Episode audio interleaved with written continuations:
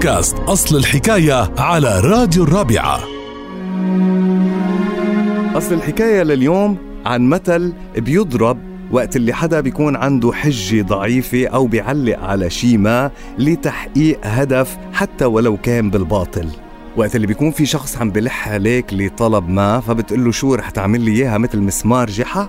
أصل حكاية مسمار جحا لليوم إنه جحا كان عنده بيت وأراد إنه يبيعه ولكن بنية جحا أنه ما يترك البيت نهائيا فحط شرط على الشخص اللي بده يشتري بيته إنه رح يترك مسمار بالحيط وعنده الحق بأنه يجي ليشوف مسماره متى أراد.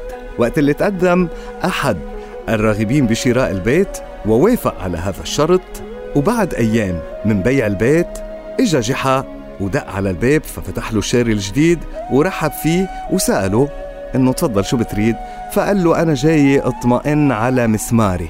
وقت اللي طالت مدة بقاء جحا بالبيت ليطمن على مسماره سأله صاحب البيت إنه شو باقي ليش باقي كل هالوقت؟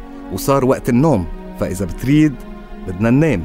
فخرج جحا على مضض وتكررت هالقصة حتى ضاق صدر المشتري بأفعال جحا فترك له البيت بما فيه وهرب بنفسه من تقل دم جحا ومسماره.